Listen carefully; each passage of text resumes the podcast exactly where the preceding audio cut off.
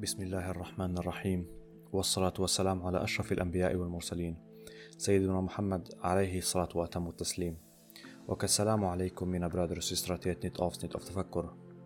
Förra veckan så pratade vi om sharia-lagen och hur det är faktiskt inte om våld utan det handlar om stabilitet i samhället och rättigheter för individer och för Gud.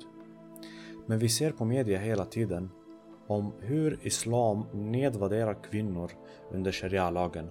Och inshallah, jag kommer lyfta upp det här ämnet och flera ämnen som handlar om detta under denna veckan och kommande veckorna inshallah. Men denna veckan ska vi prata om något som vi har säkert hört att sharia-lagen instruerar män att slå deras kvinnor. Och vi ska inshallah lyfta upp hur det är fel och hur det är antagen ur deras mening.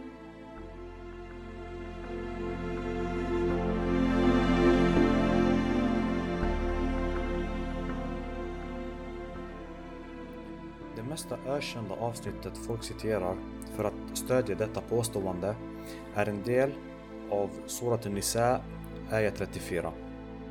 Och den säger om ni ser tecken på illviljan hos dem och fortsättningen och som sista utväg darb dem. Och ordet darb är oftast översatt som att slå medans detta suddar bort hela versens sammanhang och hur Koranen är uppfattad.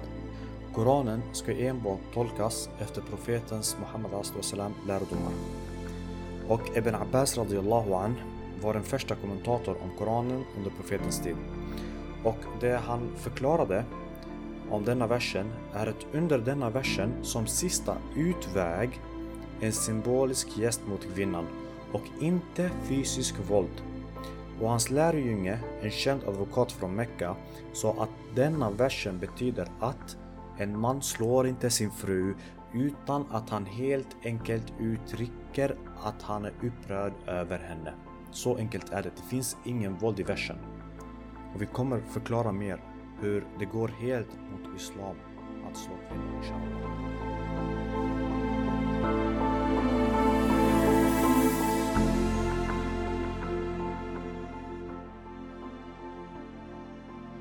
Vi kan också se från historiska domstolsregister att muslimiska domare brukade alltid döma att män som orsakar i fysisk skada mot deras fruar måste straffas.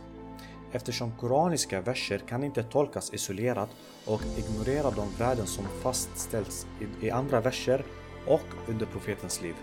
Som att när Gud bekräftar i Koranen att äktenskap ska byggas på kärlek, som i Sura Ar-Rum, ayah 21. Och den säger, och till hans underhör, att han har skapat hustruar åt er av era egna art, så att ni kan finna ro hos dem. Och han har låtit kärlek och omhet uppstå mellan er. I detta ligger helt visst budskap till människor som tänker, subhanallah. Och Islam fördömer otvetydigt alla former av grymhet och övergrepp. Till exempel några hadith från profeten.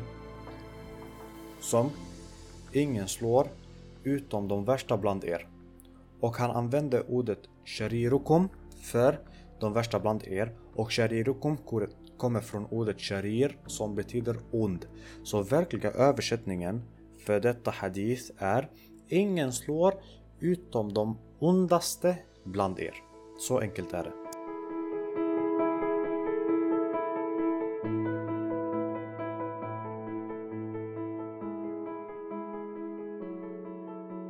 Och inte bara det, men våld i hemmet har helt och hållet förbjudits i Islam under flera platser.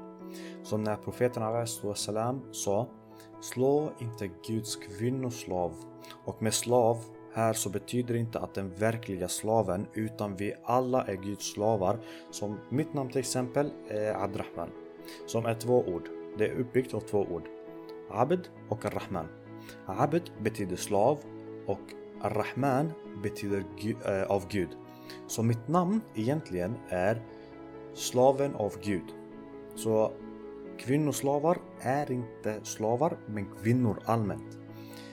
Eller när profeten sa slå inte kvinnor och förakta inte kvinnor.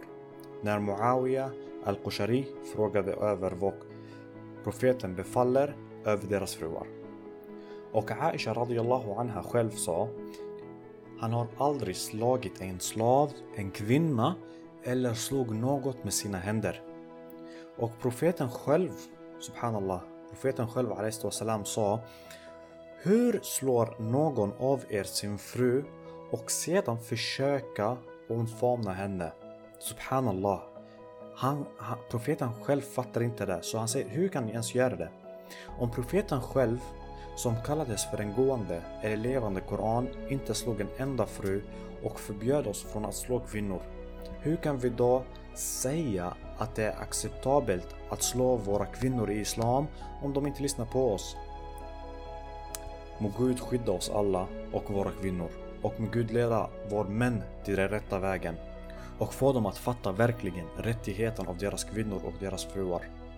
Och hur profeten salam sa Rifqan bil qawarir. Det översätts till var försiktiga med flaskorna. Och qarura är ju en, en jätteomtålig flaska. Och han symboliserar kvinnor här att vi män måste vara försiktiga och ta hand om våra kvinnor och inte slå dem eller eh, förne eh, förnedra dem eller liknande. För subhanallah, våra kvinnor är guld. Våra kvinnor är diamanter, de är skatt som vi måste ta hand om.